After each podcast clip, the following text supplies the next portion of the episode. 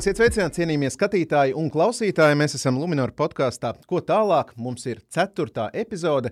Mans vārds ir Mārtiņš Daugulis, esmu politologs un sociāla antropologs. Un mums viesos šodien Lunčija galvenais ekonomists Pēteris Strautiņš. Labdien! Labdien. Un Lunčija kreditēšanas vadītājs Baltijā Kaspars Lukačovs. Labdien! Šodien mums ir interesanta sarunu tēma par ECB procentu likmēm ko mēs varam sagaidīt, eh, ko tas nozīmēs gan maisaimniecībām, gan kopumā Latvijas ekonomikai. Un eh, jautājumi man ir sarakstīti uzreiz tie, kas skatās, var redzēt ārkārtīgi daudz veselu mapu, jo šajā tēmā, cīm redzot, vēlams slēpjas detaļās, ja mēs tā varam teikt. Un eh, tāpēc varbūt sāksim ar to, ka varbūt Pēter var izskaidrot to mehāniku.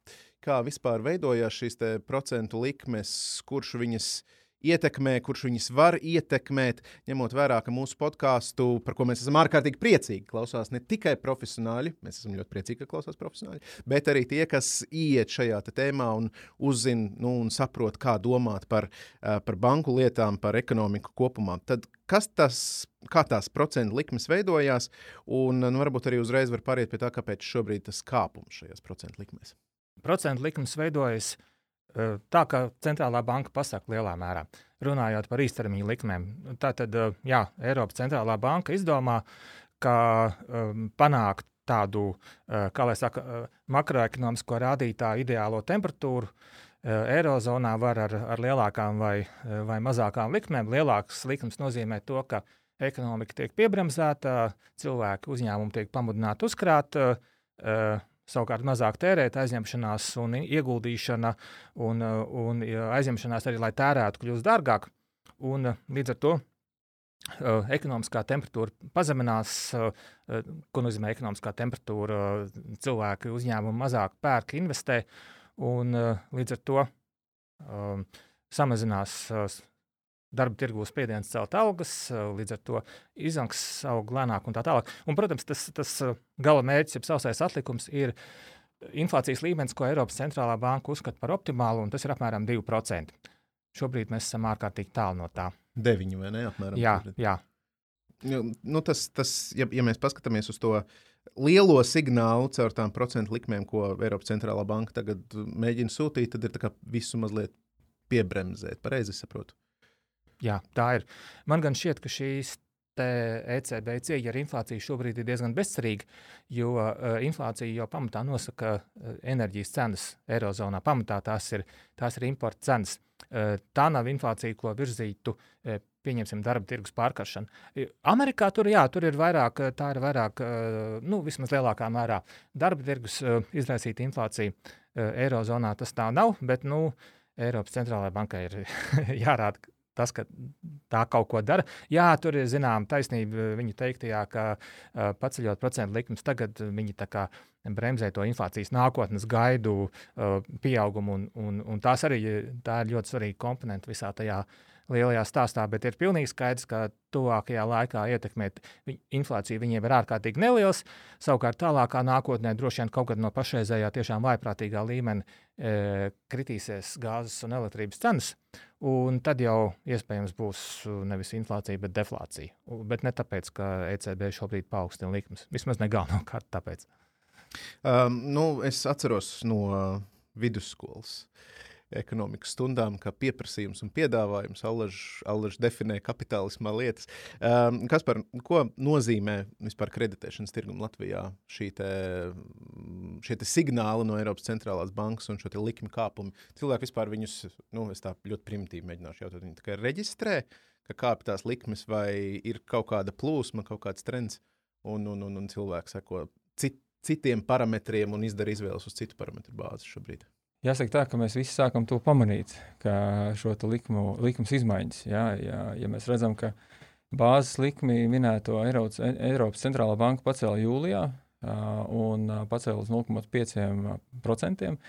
Nu, tad realitātē nu, tā nākamā likme, kas mums jau interesē, kā patērētājiem, ir tā Eiribor likme, kas, kas būtībā atspērās no tā, kā, cik liela ir šī te, bāzes likme.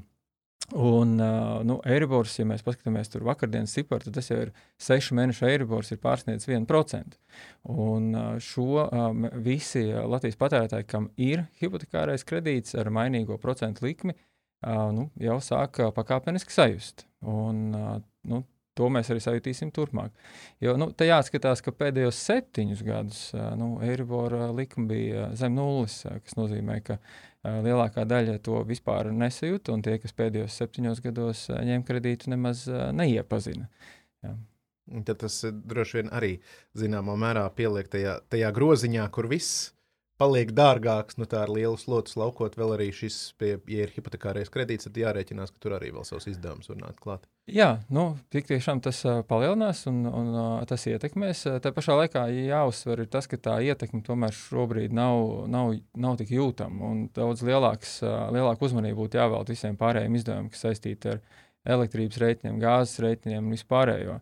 Jo, nu, ja paņem tādu, tādu ļoti vienkāršu piemēru, tad šobrīd, kad Eiribors ir 1%, tad vidējam klientam viņa mēneša maksājums varētu pieaugt apmēram par 8-10%. Ja atkal atzūmojam atpakaļ uz Latvijas ekonomiku ar savu specifiku, ar to, kāds mums ir. Mums ir uh, mūsu ražošana, mums ir mūsu nekustamo īpašumu tirgus. Tad sāksim iet pa tādiem sektoriem. Tad tas likmes pieaugums, ko tas nozīmē Latvijas ekonomikai, varbūt tad Sākam ar tiem, kas ir industrijā un kas ražo. Šis likums pieaugums nozīmē, runājot tieši par uzņēmumiem, jā, arī līdzīgi viņiem pieaugs kredītu maksājumi. Droši vien, ka Latvijas ekonomikā tā ietekme nebūs ļoti dramatiska. Kaut gan ir argumenti abos virzienos. Viens arguments, kāpēc Latvija tas varētu ietekmēt samērā maz, tas, ka Latvijā ir maz gan uzkrājumu, gan arī kredītu proporcionālu ekonomikai. Mums ir mazs tā saucamais finanšu starpniecības līmenis. Uzņēmumi eh, ļoti daudzi finansē darbību ar, ar pašu naudu, aizņemās un tā. Bet nu, kaut kāds, kaut kāds tas parāda apjoms ir. Un savukārt, eh, kāpēc tā ietekme Latvijā varētu būt jūtama, ir, ir tas, ka Latvijā gan mājsainiecības, gan uzņēmumi ļoti izteikti finansējas ar peldošajām likmēm. Piemēram, Vācijā māksliniecības pavisam noteikti uh, vairāk ar, ar ilgtermiņā fiksētām likmēm finansējas, ja viņi vispār aizņemās par uzņēmumiem, tā neapgalvot. Bet, bet jā, uh, tātad uh, to ECB lēmumu ietekmi uz katru ekonomiku nosaka tas, kā, kā finansējas māksliniecības un, un uzņēmumi, vai ar peldošajām, vai ar ilgākā laikā fiksētām likmēm. Latvijā ļoti liela uh, peldošo likmi daļa. Ja, kāpēc tā? Kāpēc, kāpēc mūsu ticība peldošajām atšķirībā no minētajiem vāciešiem, kur tur ir tā atšķirība? Konservatīvisms, riska uzņemšanās grūti spriest. Kāds ir tavs viedoklis? Jā, nu, tiešām tas, tas ir veidojas arī vēsturiski, jo paskatoties datus, nu, tie pat ir vairāk kā 90%, kur mēs redzam šo peldošo, ja mainīgo procentu likmi klientiem, gan uzņēmējdarbībā, gan, gan privātpersonām. Un, protams, ka tajā laikā, kad Eiribors ir ļoti zems, ja, ja šī pievienotā likme, tas ir ārkārtīgi izdevīgi, jo, jo faktiski es maksāja krietni mazāk. Jo tajā brīdī, ja likme tiek fiksēta, tad, protams, ka finanšu iestādes ierēķina kaut kādu zināmu risku, ka tā pievienotā vērtība varētu pacelties un tā fiksētā likme nedaudz augstāka.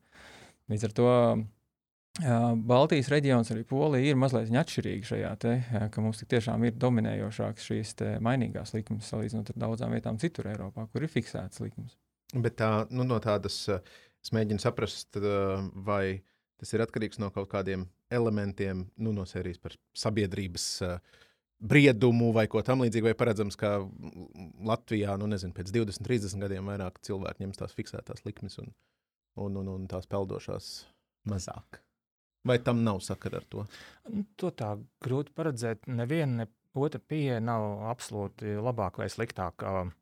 Pretējā gadījumā nu, tā, tā, tā sliktākā varianta vienkārši neinteresētu. Jā, tas neeksistētu.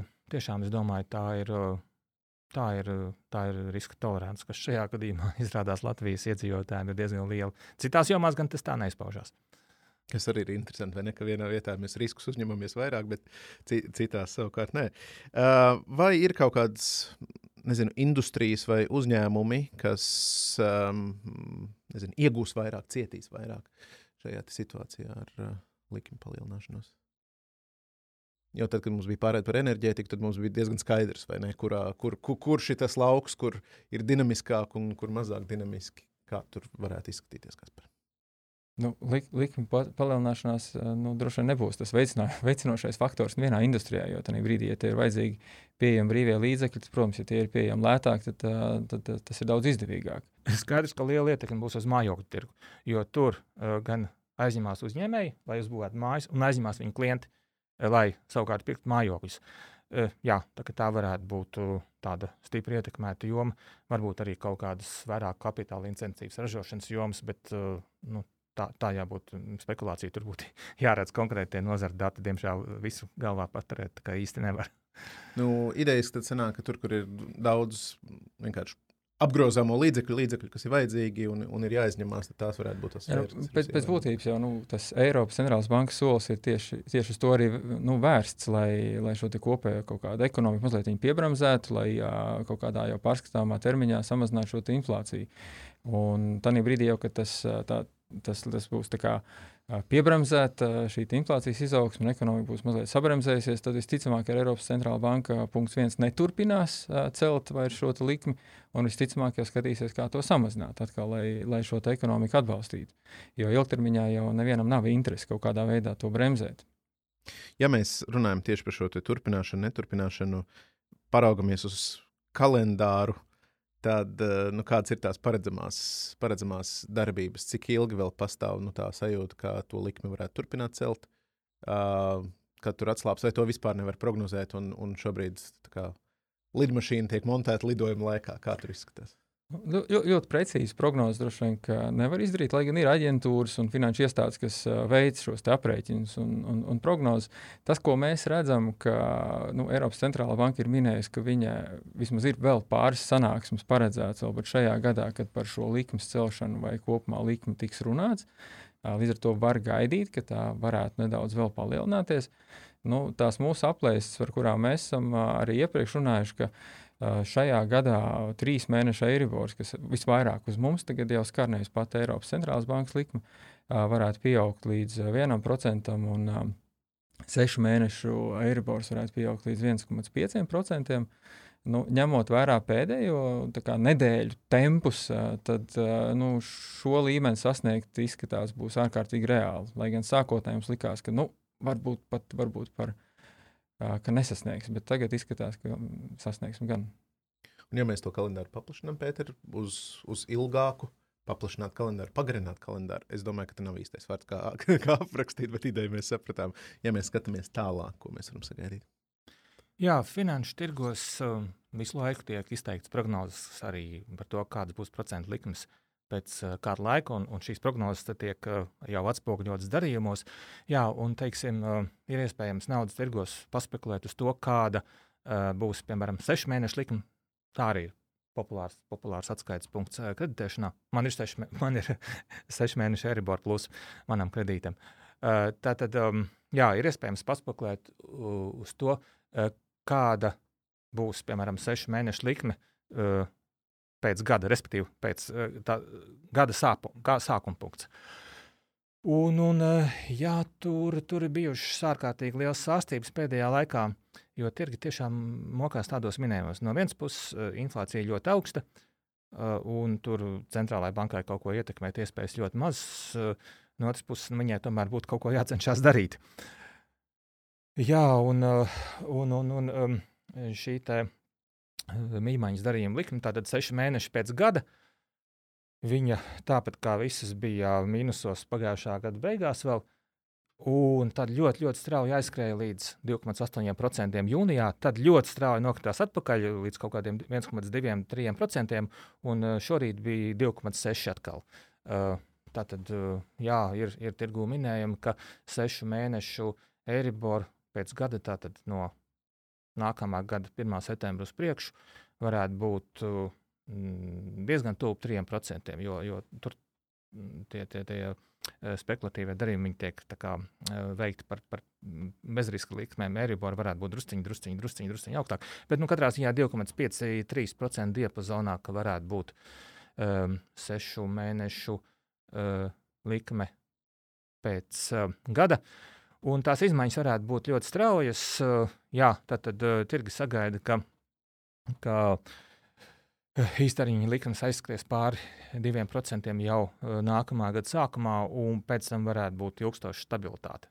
Teiksim, jau minējām par to, kāda varētu būt sešu mēnešu likme ar sākuma punktu pēc gada, diviem, pieciem gadiem. Tur, tur jau praktiski viena, viena likme tiek paredzēta šobrīd. Tā tāds strauji kāpums un pēc tam līdzināms. Plato. uh, ko tas, nu, teiksim, uz banku dodas klienti? Viņiem ir savi apsvērumi, viņi noklausīsies šādu uh, podkāstu, domās, ko darīt. Uh, tāpat tās katram savas vajadzības. Tad kas ir tās lietas, kur banka šajā situācijā uh, var palīdzēt, ņemot vērā, ka, ka visām bankām tie produktu klāsti ir, ir diezgan daudz, visādas ap, apdrošināšanas kā tādas ir, ir, ir uh, labs servis. Vienmēr, kur ir riski, vienmēr var kaut ko nopirkt pret risku. Ko var nopirkt pret risku šādās situācijās? Nu, man liekas, ļoti, ļoti precīzi arī minēja, ko var nopirkt pret risku. Jo nu, dienas beigās, ja kādas izmaiņas, ko mēs veicam savos kredītlīgumos, tas kaut ko arī maksā un ar kaut ko tad ir jārēķinās. Protams, ka bankas savos piedāvājumus sniedz gan iespēju pagarināt termiņu, gan, gan izvēlēties šo fiksēto likmi, nu, un, un arī citus mehānismus, tad, bet katrs no tiem kaut ko maksā. Ja, tad, ja tās ir izmaiņas līgumā, tā ir kaut kāda komisija, ja tā ir fiksētā likme, tas nozīmē, ka likme kopumā būs augstāka nekā es to maksāju līdz šim, un tad ir jāsaprot, kādu risku tad, uh, man izvēlēties. Tas, ko uh, mēs noteikti rekomendējam, nu, katram, pat gan tiem, kam ir kredīts, gan tiem, kam nav. Bet, nu, protams, šodien mēs runājam par tiem, kam ir. Ir ļoti svarīgi nu, kopumā plānot šo savu ģimenes budžetu. Un Pēters minēja tie 3% kā tāds maksimālais punkts, ko mēs šobrīd varam tā ieskicēt pie, pie 6 mēnešu eiribora. Un 6 mēnešu eiribors ir citu, nu, viens no tādiem diezgan bieži izplatītiem pievienojumiem pie bankas likmes. Uh, uz to arī atspērties un skatīties, cik, cik liels tas būs mans kredīta maksājums, tad, kad būs sasniegti šie griezti, un kā tas izskatās pret manām šo, šī brīža nu, visām saistībām, maksājumiem, par, par vis, visiem rēķiniem. Un, um, tas, kas ir tā mūsu praksa, ko no bankas sfēras mēs redzam, ka tie ir 30% ir ļoti veselīgs, ja 30% no maniem ienākumiem vai ģimenes ienākumiem es veltu kredīt maksājumiem. 40% tad jau ir mazliet jau sāk palikt jau riskanti. Ja, jo, ja ir virs 40%, tad kaut kas momentāli ir jādara. Līdz ar to ir katram šobrīd ļoti svarīgi saprast visu savu iz, izmaksu pozīcijas, apskatīties, kāda tad būs tā nākotnes uh, uh, maksājuma. Nu, tas līmenis pie, pie šāda pieauguša eiribora, un tad apskatīt, vai man pietiek vai nepietiek. Ja nepietiek, tad ir kaut kas jādara. Ja? Jo ir jau tā, ka mēs varam citus izdevumus mazliet samazināt un optimizēt. Tities, tas mans jautājums arī to cilvēks var izdarīt. Piesēžot pats ar kalkulātoru mājās un rūpīgi domājot līdzi, vai nu, tur veselīgāk tomēr ir aiziet pie savas bankas uh, pārstāvja un, un uzdot šo jautājumu, ko šajā situācijā var darīt. Virkni lietu. Virkni lietu. Protams, ka katrs darījums ir individuāls gan no termiņa viedokļa, gan no atlikuma viedokļa. Tāpēc tādu nu, universālu formulu, kas dara visiem un ļoti precīzi atbilst, nu, nevar. Ja? Tas ir jāskatās katram pašam, un to var darīt gan banku piedāvātajos kalkulatoros, gan konsultējoties ar banku.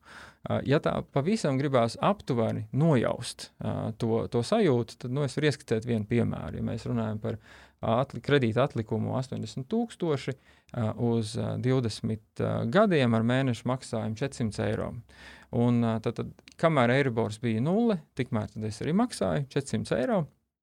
Tiklīdz Eiribors tagad ir piemēram 1%, tā mans mēneša maksājums būs jau apmēram 440 eiro, respektīvi 10% pieaugums.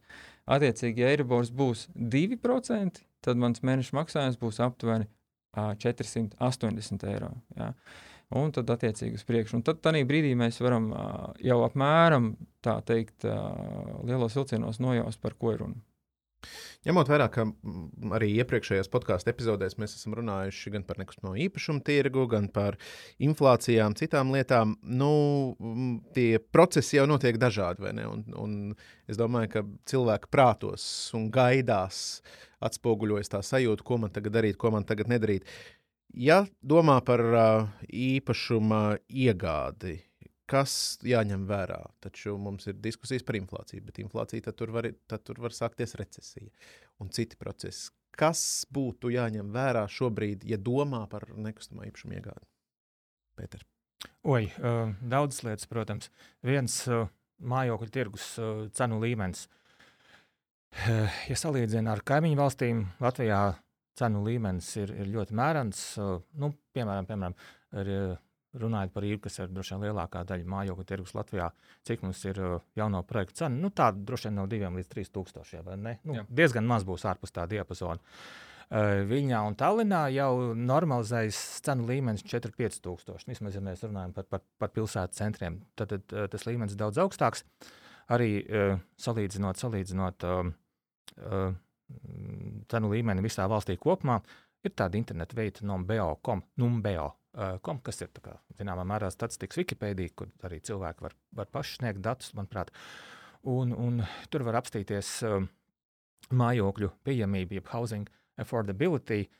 Un uh, Latvijā tie indeksi ir, ir, ir ļoti labi uz Baltijas fona, ļoti labi uz Centrālā Eiropas fona. Uh, arī es teiktu, diezgan labi uz, uz Rietumē Eiropas fona. Tur nav, uh, tur nav sniegts uh, Eiropas Savienības idejas līmenis, bet ja ir uh, ja, ja, ja Francijā, Itālijā un Vācijā mājokļu pieejamība ir sliktāka nekā Latvijā, un tās ir nu, ļoti liela daļa Eiropas ekonomikas, tad droši vien arī Eiropā kopumā tā pieejamība faktiski vēl ir, vēl ir sliktāka. Arī, ja mēs skatāmies mājokļu cenu, īres attiecības, eh, cenu ienākumu attiecības, nu, tas tie visi tie rādītāji Latvijā liecina, ka mājokļu eh, cenu līmenis ir nu, ļoti mērens, kaut arī nesen ir strauji pieaudzis, bet tas joprojām ir diezgan, diezgan mērens. Tas tā runājot par tirgu kopumā. Uh, Runājot par Latvijas ekonomikas attīstības perspektīvām, tuvākais gads būs sarežģīts, jo ir lieli enerģijas cenu izdevumi, bet nu, tajā pašā laikā eh, tālākā perspektīvā, eh, skatoties, kā mums attīstās eksporta nozares, un, teiksim, ja mēs paskatāmies pēdējos trīs gadus, tieši vakar veidā salīdzinājumu, tad eh, lielās eksporta nozares, rūpniecība, biznesa pakalpojumi, IT pakalpojumi, tās visas augušas ļoti labi, un tur tās perspektīvas ir diezgan labas. Tā kā Latvijā, Latvijā naudas kļūs vairāk. Uh, protams, ir jāņem vērā arī, arī personīgi apstākļi. Nākamais gads ekonomikā tiešām būs sarežģīts, un, un eh, ir atsevišķas nozares, kas ir pakļautas lielākam riskam nekā citas, jo tās ir energointensīvas, teiksim, kokapstrāde, eh, varbūt vēl kāda. Cilvēks, katrs labāk zinās, arī labāk zinās par banku, kāda viņa personiskā, ekonomiskā nākotne varētu būt tas, tas, tas arī, protams, svarīgi. Jā, tāpēc cilvēki var eh, nu, vismaz aptuveni tagad jau sarēķināt, eh, kādi būs viņu papildus izdevumi par uh, enerģiju nākamajā ziemā. Un tur tās situācijas ļoti dažādas. Tā vispārējā sajūta plašsaziņas līdzekļos ir nu, ka, nu, katastrofa, pilnīgs ārprāts. Ja mēs sākam skatīties detalizēti, tad tajās vietās, ciemos, pilsētās, kur kurienes čaudu, ir cenu pieaugums, bet nu, cenas nav tā nu, postoši augstā līmenī. Augstāks nekā jebkad ir bijušas, bet nu, ar ienākumu ir auguši, tad tā uh, attiecība pret ienākumiem ir, ir labāka nekā bija pirms pieciem, desmit vai drīzāk desmit gadiem. Uh, Ja ir gāzes apkūra, nu, tā, ir, tā ir pretējā galējība. Vai nu, vai nu individuāli gāzi mājā, vai, vai, vai, vai ja viss ciems ir atkarīgs no gāzes, nu, tad tur, ir, tur var būt diezgan skarbi. Bet, protams, būs valsts atbalsts. Ja vēl varam pavisam ātri paturpināt par to Baltijas valstu savstarpēju atšķirību, tad ilgtermiņā raugoties, nu, viņš tur prognozēti izlīdzināsies, tas nekustamo īpašumu tirgus, vai mēs esam specifiski un, un, un, un, un nu, nezinu, tur allaži esam turējušies iepakaļ iepakaļ esam palikuši. Tā mūsu atgūšanās pēc lielās finanšu krīzes ir bijusi krietni lēnāka. Mēs esam krietni piesardzīgāki bijuši un uh, arī šobrīd krietni piesardzīgāk uh, pērkam uh, īpašums. Uh, mēs redzam, ka Igaunijā un Lietuvā tik tiešām iedzīvotāji daudz naskāk pērk uh, īpašums un uh, pērk krietni dārgāks īpašums, kā mēs tikko arī uh, runājām. Un, un tas attiecās tās tā īpašuma cena at, uh, augstā at, at, attiecās ne tikai uz uz jaunajiem projektiem, bet arī uz nu, šo otrreizējo tirgu, uz padomu laika ēkām un tam līdzīgi. Tā, kā, nu, tā, tā atšķirība viņa tā ir. Vai izlīdzināsies, nu, tam būtu jābūt milzīgam lēcienam. Un ņemot vērā to algu līmeni, kāds ir Latvijā, un to algu, kā, algu, algu pieaugumu, ja, nu, visticamāk, mēs turpināsim vēl kādu laiku būt tajā astē. Jā, jo tas, tā starpība ir pārāk liela, lai viņi tā vienā brīdī eh, pazustu. Un, uh, mēs jau arī nu, dzirdam no mūsu uh, klientiem uh, Lietuvā un, un Igaunijā, varētu nopirkt kādu īpašumu Latvijā. Tā, tā interese arī no, no, no iedzīvotājiem Baltijā ir, jo tik tiešām līdzvērtīgs īpašums joprojām Latvijā daudzās vietās ir nopērkams lētāk nekā Lietuvā un Igaunijā. Kā ir, ja mēs tagad salīdzinām kontekstā ar, ar uh, procentu likmēm, tad, tad šis jauno nekustamo īpašumu tirgus un otrreizējais. Tur tā šķērīte kaut kā palielināsies, ka kāda tur dinamika starp to, ka cilvēks domā, vai pirkt jaunu, vai, vai pirkt jau uh, otrreizējā tirgu esošo. Nu, tas novērojums, ko mēs redzam šobrīd, ka ar vien lielāku ietekmi uh, uz, uz, kā, uz to īpašumu tirgu izdara īpašuma energoefektivitāte. Un, uh, tagad, kad uh, energoresursu cenas ir būtiski pieaugušas, tad tie īpašumi, kuros tā energoefektivitāte ir augsta, uh, ir, ir, ir loģiski, ka tie, tie tās mājsaimniecības tērē mazāk naudas šī mājokļa uzturēšanai, kas nozīmē, ka tām tur ir mazāk riski un, un klientiem ir pieejama vairāk naudas. Un tad tie īpašumi arī nākotnē visticamāk būs par augstāku cenu pārdodami, ja, un tad likvidāki. Savukārt tajā otrreizējā tirgu, kur tā energoefektivitāte ir zema, tad tur bankas saskarās ar vairāk riskiem, ka to īpaš, kā to īpašumu pārdot nākotnē. Ja, jo ir milzīga problēma, ja mēs runājam par um, šo visu Rīgas teritoriju, kur ir šīs te, nu, padomu laika ēkas.